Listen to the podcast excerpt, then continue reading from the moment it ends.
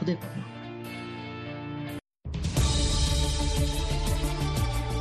اینجا واشنگتن است. رادیو آشنا صدای امریکا. سلام و صبح خیر آرزو دارم روز خوشی را آغاز کرده باشید. فوزی احسان هستم و با همکارانم برنامه خبری امروز چهارشنبه نهم ماه هود را از استیدیوی رادیو آشنا صدای امریکا در واشنگتن دی سی پیشکش می کنیم اما قبل از اینکه به نشر گزارش های این ساعت بپردازیم همکارم قدیر مشرف خبرهای افغانستان منطقه و جهان را پیشکش می کند سلام و صبح همه شما به خشنانده های عزیز. انتونی بلینکن وزیر خارجه ایالات متحده سه شنبه 27 فوریه گفت که کشورهای از سراسر جهان مصممند از زنان و دختران افغان حمایت کنند که می‌خواهند آموزش فراگیرند و کار کنند. بلینکن در جریان سخنرانی در نشست ائتلاف مقاومت اقتصادی زنان افغان که به میزبانی مشترک وزارت خارجه امریکا و پوانتون باستن را اندازی شده بود گفت که این ائتلاف سه برنامه جدید را برای زنان و دختران افغان به زودی اعلام خواهد کرد. جزیات بیشتر از جیلا نوری وزیر خارجه ایالات متحده افزود که بنیاد آموزش بیشتر از همه چیز حکومت قطر و شرکت آموزشی امریکایی کورسیرا و صدها هزار زن افغان زمینه آموزش در بخش کاریابی را فراهم خواهد کرد. زنان و دختران افغان مصممند درس بخوانند. آنان مصممند تا راه خود را ترسیم کنند. آنان مصممند تا در آینده اجتماعیتشان با وجود موانع خارق که با آن مواجه می شوند همکاری کنند. بلنکن با اشاره به این محدودیت ها گفت که زیان آن به تمام افغان ها می رسد زیرا مشارکت زنان می تواند بیش از یک میلیارد دلار به این کشور سود به بار آورد. رینو امیری نماینده ویژه ایالات متحده در امور حقوق زنان و دختران افغان و حقوق بشر در نشست از وضع ممنوعیت ها برای زنان افغان انتقاد کرد. As a woman, imagine being stripped of your profession با عنوان یک زن تصور کنید که از مسلک و ظرفیتتان برای امرار معاش و تغذیه خانوادهتان محروم شده اید. با عنوان والدین تصور کنید که به چشمان یک دختر دوازده سالهتان می‌بینید که به شما می‌گوید پس از این دیگر به مکتب رفتن نمی‌تواند دروازه های امید و خوابهایش مسدود شدند. با عنوان یک شهروند تصور کنید که سهمگیری بالقوه و همکاری اقتصادی نیمی از پیکر جامعه شما یک شبه از بین برود. در حالی که طالبان در خصوص این اظهارات مقاومت امریکایی تا زمان تهیه این خبر چیزی نگفتند اما در گذشته بار بار تکرار کردند که حقوق زنان را بر اساس آموزه های اسلامی تامین می کنند و با مساعد شدن زمینه آموزش را نیز برای آنها فراهم خواهند کرد برنامه جهانی غذا می گوید که در اوج تنش های پس از انتخابات و نارامی های داخلی پاکستان تقریبا 3500 تن ترکیب سویای گندم در مرز پاکستان و افغانستان گیر مانده است.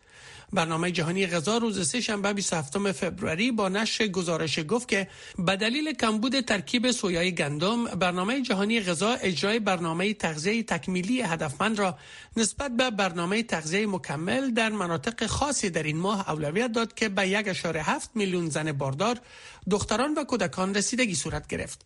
برنامه جهانی غذا گفته است که بر اساس پیش بینی ها 15.8 میلیون نفر بین نوامبر 2023 تا مارچ 2024 به شدت دچار عدم مسئولیت غذایی خواهند شد که از این جمله 3.6 میلیون نفر در حالت اضطرار قرار می گیرند. قصر سفید روز سه شنبه ابراز امیدواری کرده و محتاطانه خوشبینی نشان داد که یک آتش بس میان اسرائیل و حماس ممکن بسیار بسیار زود نافذ شود اما خاطر نشان کرد که هنوز کارهای زیادی است که باید انجام شود جان کربی سخنگوی شورای امنیت ملی امریکا گفت که تا زمانی که به یک توافق دست نیافته باشید توافق در دست ندارید و اکنون توافق در دست نیست.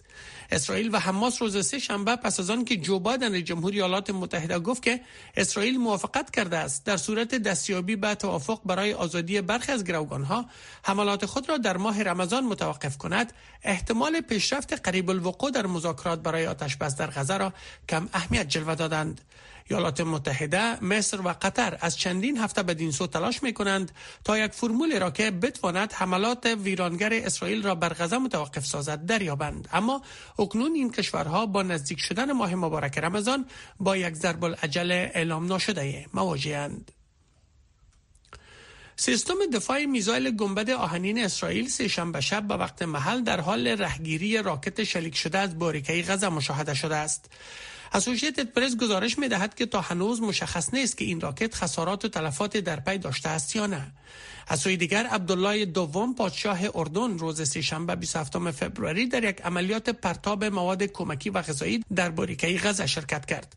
اردوی اردن با بیان این مطلب گفت که شش تیاره سی 130 به شمول سه تیاره از اردن و سه تیاره از امارات متحده عرب، مصر و فرانسه مواد غذایی آماده را به مردم غزه پرتاب کردند. جنگ فرسایشی در غزه باشندگان این منطقه را با کمبود مواد غذایی و سوی تغذیه مواجه ساخته است. گایر پیدرسن نماینده ویژه ملل متحد برای سوریه گفت که نیاز است تا تنشهای روان در منطقه به گونه عاجل کاهش یافته آتشبس فوری بشردوستانه در غزه آغاز شود پیدرسن تاکید کرد که سوری ها به همین اندازه به کاهش تنشات در داخل سوریه نیاز دارند چرا که به گفته وی جنگ داخلی سوریه نیز ادامه داشته و باعث تلفات بزرگ غیر نظامیان و بیجا شدن ها بوده است. او روز سهشنبه در شورای امنیت ملل متحد خاطر نشان کرد که در ماه فبروری سوریه شاهد گسترده شدن تاثیرات دامنه جنگ در منطقه بوده که به گفته وی چندین حمله هوایی منتصب به اسرائیل بر مناطق هومس و دمشق انجام شده که در هر دو منطقه تلفات نظامی و ملکی را در پی داشته است. ادامه خبرهای منطقه و جهان را از رادیو آشنا میشنوید. محکمه مبارزه بر ضد فساد اداری پاکستان روز سه شنبه 27 فبروری امران خان صدر پیشین آن کشور و همسرش بشرا بیبی را به دریافت زمین با عنوان رشوه در زمان صدارت وی متهم کرد. این محکمه در یکی از زندانها واقع در نزدیکی اسلام آباد پایتخت پاکستان برگزار شد جایی که امران خان پس از محکوم شدن به اتهامات مختلف از جمله فساد مالی افشای اسرار دولتی و ازدواج غیرقانونی مدت حبس طولانی مدت خود را سپری می کند حزب تحریک انصاف امران خان اتهام روز سهشنبه محکمه را محکوم کرد اعضای این حزب گفتند که این زوج یعنی امران خان و همسرش پس از آن که اتهامات به خانش گرفته شد گفتند که بیگناه هستند و اتهام جدید را مانند محکومیت های قبلی بیهوده خواندند. جان کوربی سخنگوی شورای امنیت ملی امریکا با اشاره به تحریم های جدید وزارت مالیه امریکا بر جانشین قماندان نیروی قدس سپاه پاسداران و چندین مورد دیگر تاکید کرد که هیچ برنامه برای لغو، ارائه معافیت یا هر گونه تخفیف در مورد تحریم های جمهوری اسلامی وجود ندارد. جان کوربی با هشدار به مقامات تهران از تلاش های امریکا برای اقدامات بیشتر و پاسخگو کردن آنها خبر داد. کربی تحریم های جدید را در راستای مقابله با تامین مالی اقدامات تروریستی و ایجاد اختلال در اقدامات حوسی ها علیه کشتیرانی در مسیر آبهای بین المللی عنوان کرد و به همکاری امریکا با بریتانیا در این زمینه اشاره کرد. وزارت مالیه امریکا روز سه شنبه 27 فوریه در بیانیه اعلام کرد که اداره کنترل دارایی های خارجی این وزارت با هماهنگی بریتانیا محمد رضا فلازاده جانشین فرمانده نیروی قدس سپاه پاسداران انقلاب اسلامی ایران را تحریم کرده است. و قصر سفید تاکید می کند که اقدام کانگرس امریکا برای تصویب بودجه امنیتی جهت رسیدگی به وضعیت ناهنجار اوکراین ضروری می باشد. جان کربی سخنگوی شورای امنیت ملی امریکا گفت که سربازان اوکراینی با کمبود مرمی مواجهند و آنان در حال از دست دادن قلمرو خاکشانند. کربی افزود که این بودجه نیاز است و کمبود آن در میدان جنگ تاثیرگذار می باشد. جمهوری خواهان تا کنون در مجلس نمایندگان از تصویب طرح بسته امنیتی ملی 95 میلیارد دلاری که کمک به اوکراین، اسرائیل و منطقه هند اقیانوسیه را شامل می شود خودداری کردند. پایان خبرهای افغانستان منطقه و جهان از رادیو آشنا صدای امریکا.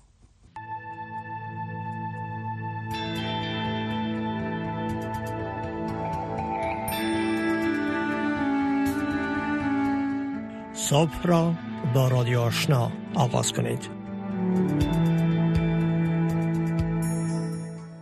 شنونده های گرامی اخبار افغانستان منطقه و جهان را از رادیو آشنا صدای امریکا شنیدید. اکنون می‌پردازیم به نشر گزارش های این ساعت. اردوی ایالات متحده به خاطر پوشش مصارف آموزش نیروهای اوکراینی مجبور شده از هزینه اختصاصی اردو مصرف کند. در حالی که جنگ اوکراین وارد سومین سال شده است این استراتژی می تواند اردوی امریکا را در اروپا با کمبود بودجه مواجه کند. شرح گزارش خبرنگار صدای امریکا در این مورد را من فوزی احسان به سمتان می رسانم. در حالی که کنگرس هنوز بودجه کمک نظامی به اوکراین را تصویب نکرده و مجلس نمایندگان امریکا هنوز به آن رأی نداده است اردوی ایالات متحده مصروف وضع هزینه برای آموزش نیروهای اوکراینی است. سبرینا سنگ معاون سخنگوی وزارت دفاع امریکا در مورد گفت. این یک ماموریت حیاتی است. ما نمی‌توانیم با آنان پشت کنیم. و بنابراین بله مطلقا قرار است که اردوی ما گفتگو در این مورد را آغاز کند و تصامیم مهم در این زمینه بگیرد که روی تمام نیروهای مسلح تاثیرگذار خواهد بود. مقامات اردو به صدای امریکا گفتند اگر تغییراتی به وجود نیاید هزینه های اردوی امریکا در اروپا و افریقا برای همه چیز به شمول حمایت از اوکراین عملیات ها و تمرینات با متحدین ناتو در آغاز تابستان تمام خواهد شد. بحران مالی که به گفته سبرینا سینگ معاون سخنگوی وزارت دفاع هشدار دهنده است. به صورت قطع. ما آسیب پذیر هستیم. ما قادر به مدرنیزه سازی نیستیم. ما قادر به تغییر دادن و پروگرام ها نیستیم. این مثل جنگیدن با یک دست است. براد بومن تحلیلگر در بنیاد دفاع از دموکراسی با اشاره به جنگ روسیه علیه اوکراین و تاثیرات آن به قاره اروپا گفت اگر شما آمادگی و آموزش نیروهای امریکا در اروپا را محدود کنید این به معنی تحفه دیگر به پوتین رئیس جمهور روسیه خواهد بود. تحفه که به گفته براد بومن نظامی سابق و کارمند کانگرس امریکا پرخاشگری روسیه را تشویق خواهد کرد و به هزینه های بسیار بالا نسبت به هزینه کنونی و یا کمک های حمایتی خارجی نیاز خواهد داشت.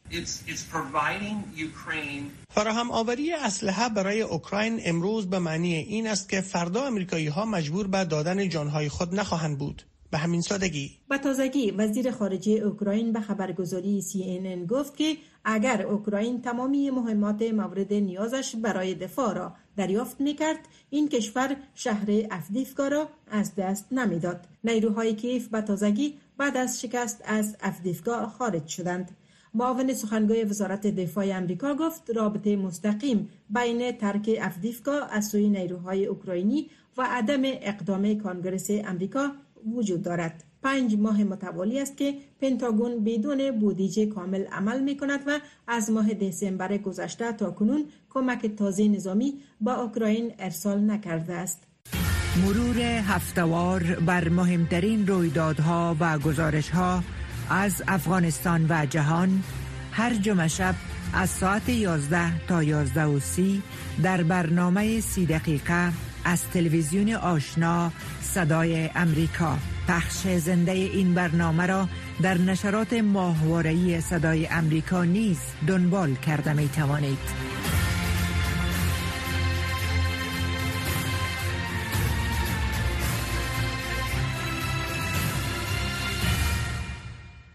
سخنگوی منشی عمومی ملل متحد می‌گوید که از انتونیو گوتریش درخواست شده تا در مورد گزینش فرستاده ویژه برای افغانستان اقدام کند و این کار جریان دارد. در همین حال پیش از نشست پشت درهای بسته شورای امنیت 11 کشور عضو این شورا با نشر بیانیه در مورد وضعیت افغانستان از طالبان خواستند تا تمام پالیسی های سرکوبگرانه ایشان علیه زنان و دختران را لغو کنند محمد احمدی شرح بیشتر گزارش در این مورد را به توجه می رساند. اعضای شورای امنیت سازمان ملل متحد روز دوشنبه برای بحث روی موضوع افغانستان عقب دربهای بسته تشکیل جلسه داد. این جلسه شورای امنیت یک هفته بعد از نشست دوم ملل متحد در دوحه برگزار شد. انتونی گوترش منشی عمومی ملل متحد گفته بود که در مورد گزینش نماینده جدید ملل متحد در امور افغانستان مشورت ها آغاز می شود تا به گفته وی تعامل میان حکومت طالبان و جامعه بین المللی را هم آهنگ کند. استیفن دوجارک سخنگوی منشی عمومی ملل متحد روز دوشنبه در نیویورک به پرسش یک خبرنگار در مورد گزینش فرستاده جدید برای افغانستان گفت که یک جدول زمانی در این خصوص وجود ندارد.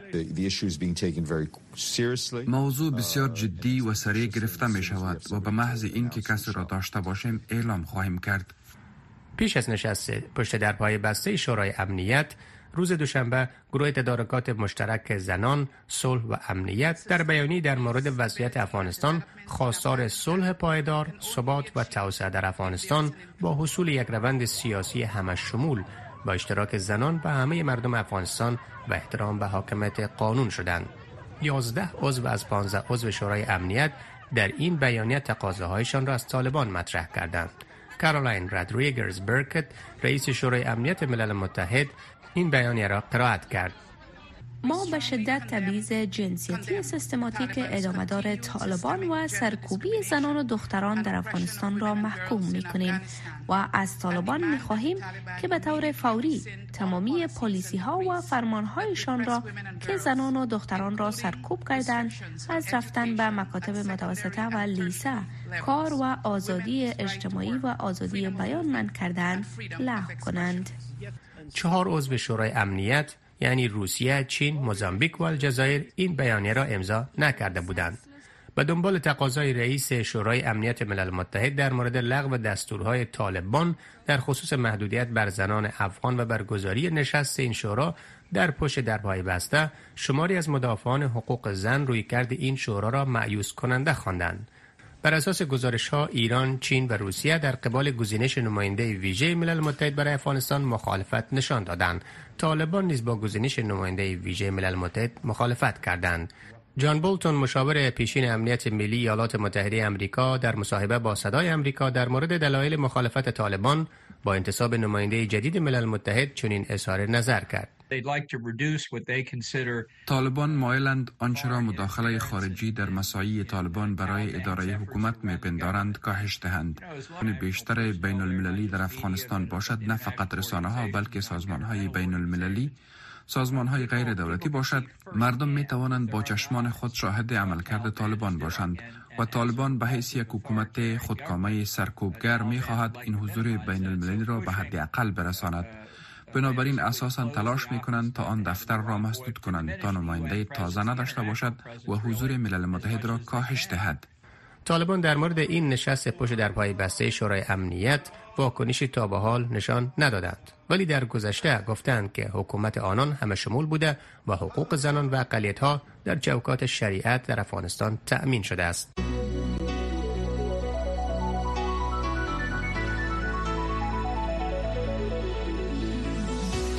صدای امریکا در فیسبوک. facebook.com voa دری.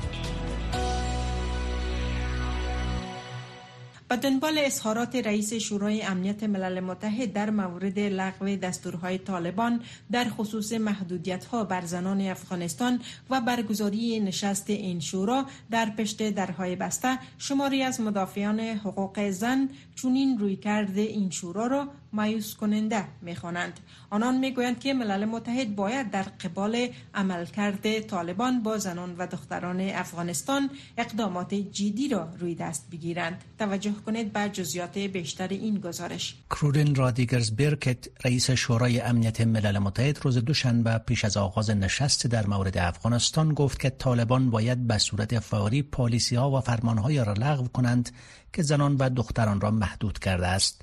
برکت افزود که شورای امنیت در نشست خود در مورد نشست دوها پیرامون افغانستان به شمول مشورت در مورد تعیین نماینده ویژه منشی عمومی ملل متحد برای افغانستان معلومات تازه دریافت خواهد کرد. در واکنش به این اظهارات نسرین حمیدی فعال حقوق زن به صدای آمریکا گفت که نشست پشت درهای بسته شورای امنیت ملل متحد هیچگاه به زنان و مردم افغانستان نبوده و نتایج مثبت در قبال نداشته است. با تمام آگاهی که سازمان ملل از تبعیض جنسیتی طالبا از عزف کامل زنان از اجتماع و طرح دهها فرمان به خاطر سرکوب زن و دخترای افغانستان آگاهی دارند فقط با بیان ای که از طالبان خواسته میشه با نهایت سر خونسردی و احترام از اونا تقاضا میشه که این فرمان ها را لغو کنند. برای ما زنای افغانستان بسیار مایوس کننده هست. و گفته حمیدی ملل متحد باعث یک سازمان تصمیم گیرنده در قبال پاسخگو قرار دادن و پیگرد اعمال ضد حقوق بشری و حقوق زن در افغانستان طالبان را باید پاسخگو قرار بدهد و در این راستا باید اقدام جدی و عملی را روی دست گیرد مریم معروف آروین رئیس جنبش اعتراضی شنبه های ارغوانی به صدای آمریکا گفت که طالبان طی بیش از دو سال گذشته نشان دادند که نه تنها هیچ گونه تغییر و انعطاف را در قبال حقوق و آزادی های زنان و دختران نمیپذیرند بلکه از هر وسیله برای سرکوب آنان استفاده می کنند.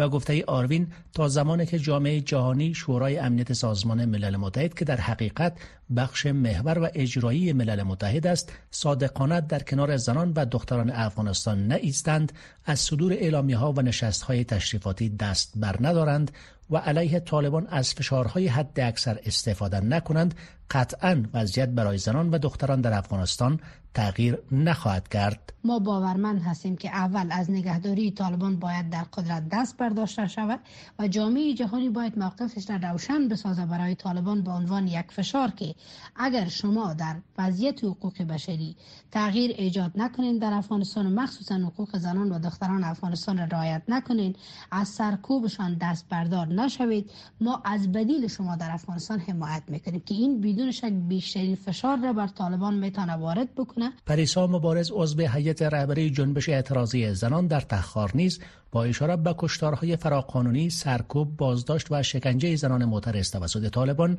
نادیده گرفتن اقوام و مذاهب در افغانستان و کج اجباری آنان گفت که درخواست و صدور اعلامی از طالبان ره به جای نمی‌برد. بیانیه البته هیچ تغییر در سرنوشت زنهای افغانستان نمیآورد. تا زمانی که جهان علیه طالب نشود طالبان را به دادگاه کیفری بین المللی لاحه نکشانند.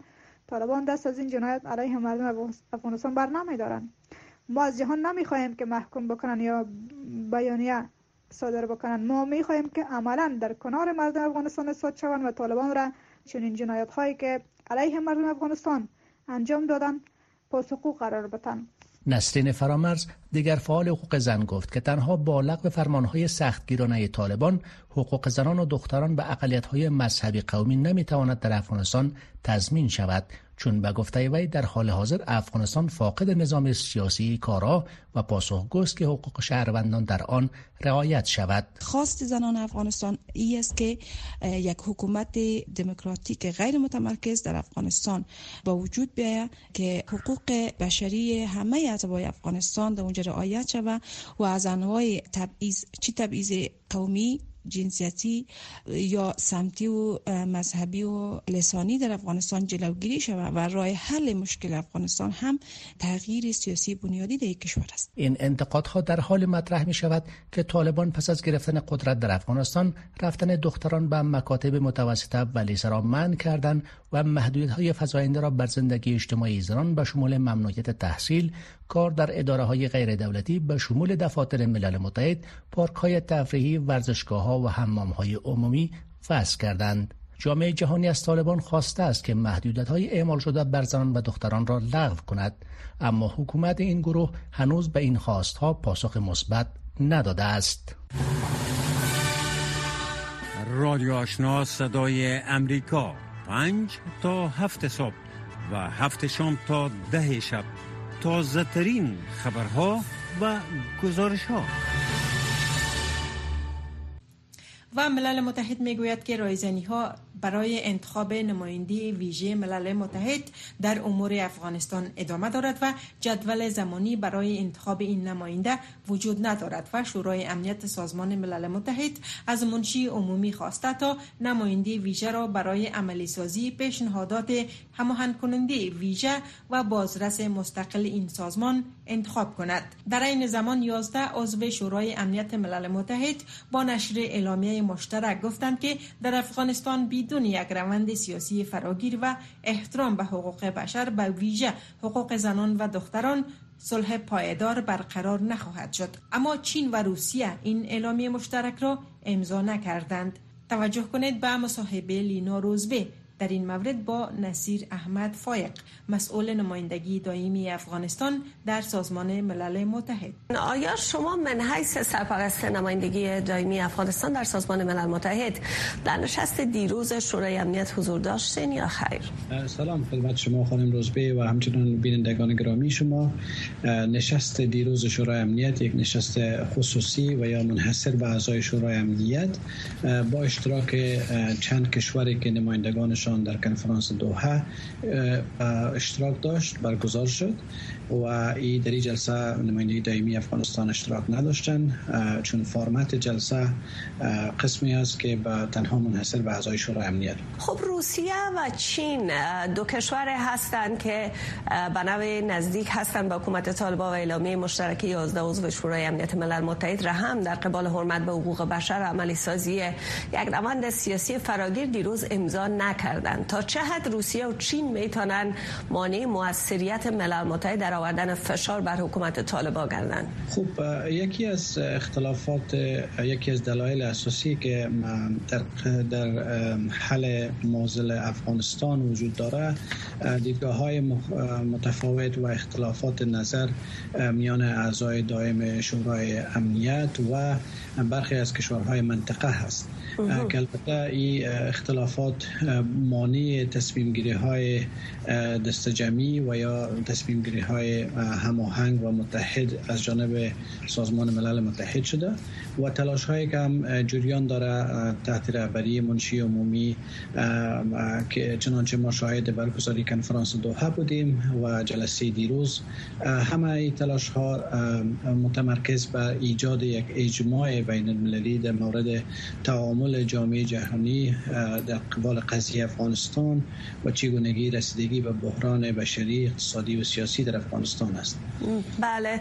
ملل متحد گفته که تقسیم اوقات خاصی را در قبال گزینش نماینده ویژه سازمان در امور افغانستان نداره. آیا با شما و دیگران در نمایندگی دائمی افغانستان در ملل متحد روی انتخاب این نماینده ویژه صحبت شده و شما در مورد کاندیدان احتمالی از او چه معلوماتی دارین؟ گفتم بشه که مامور ترکیه که پیشنهادات اخیر گذاشته تازه افغانستان را تهیه کرده و به ملل متحد ارائه کرده ممکن یکی از کاندیدان این trabajo en. خب بر اساس قطعنامه شماره 27 21 مصوب ماه دسامبر 2023 که از جانب شورای امنیت در اونجا از منشی عمومی تقاضا شده تا نماینده ویژه را برای تعیین برای افغانستان در مشورت با تمام طرف های داخل به شمول اعضای شورای امنیت و افغان ها به شورای امنیت معرفی کند. به اول لحاظ ما دیدگاه ها و نظریات را که مرتبط یا مبتنی بر منافع مردم افغانستان است و ما با مقامات ملل متحد شریک کردیم و بحث ها و مشوره ها هنوز جریان داره. در کنفرانس دوحه هم این مسئله مطرح شد و همچنان دیروز گزارشی که در جلسه شورای امنیت از جانب معاون منشی عمومی به اعضای شورای امنیت داده شد در مورد روند مشوره ها و رایزنی ها در مورد تعیین نماینده خاص و همچنان بحث های کنفرانس دوحه بود هنوز بله. اختلافات نظر وجود داره هنوز دقیقا زمانبندی مشخصی وجود نداره ولی تلاش ها به ای است که اگر چگونه یک نماینده تعیین شود که بتانه مشکلات و اختلافات نظری را که در سطح دیپلماسی و منطقه بین کشورهای تاثیرگذار وجود داره و همچنان بحرانی را که بین طالبا و جامعه بین المللی وجود داره بتانه از طریق برگزاری دیالوگ بین الافغانی و پیشنهادات سفارش گزارش ویژه منشی عمومی تطبیق کنه و بتانه باعث شکستاندن بنبست فعلی سیاسی در افغانستان شود. بله. خب طالبا در نشست دو که اخیرا دایر شد به دعوت ملل متحد شرکت نکردن و مکررا می‌خوان که نماینده از اونا جایگزین شما در نمایندگی دائمی افغانستان در ملل متحد شود.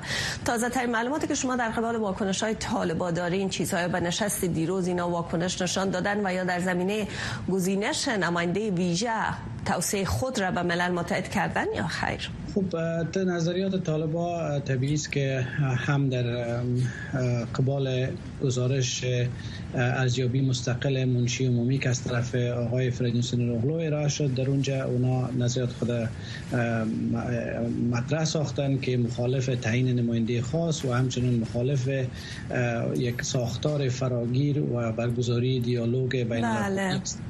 البته این دیدگاه های طالبان طالبان تاثیر بالای جامعه جهانی نداره. هنوز هیچ کشور آماده پذیرش با یا به رسمیت شناختن طالبان نیستن. بله. شما شاید اعلامیه 11 عضو از اعضای شورای امنیت بودین. پیام هایشان واضح هست در ارتباط به نقض حقوق زنا و ساختار فراگیر و تعهدات بین المللی افغانستان در قبال حقوق بشر. تا زمانی که طالبای سیاست بله. خود را خاتمه نتن و به خواسته های مردم افغانستان و جامعه جهانی تمکین نکنن من فکر می‌کنم که این امر به رسمیت شناختن و یا بله. حل نخواهد شد.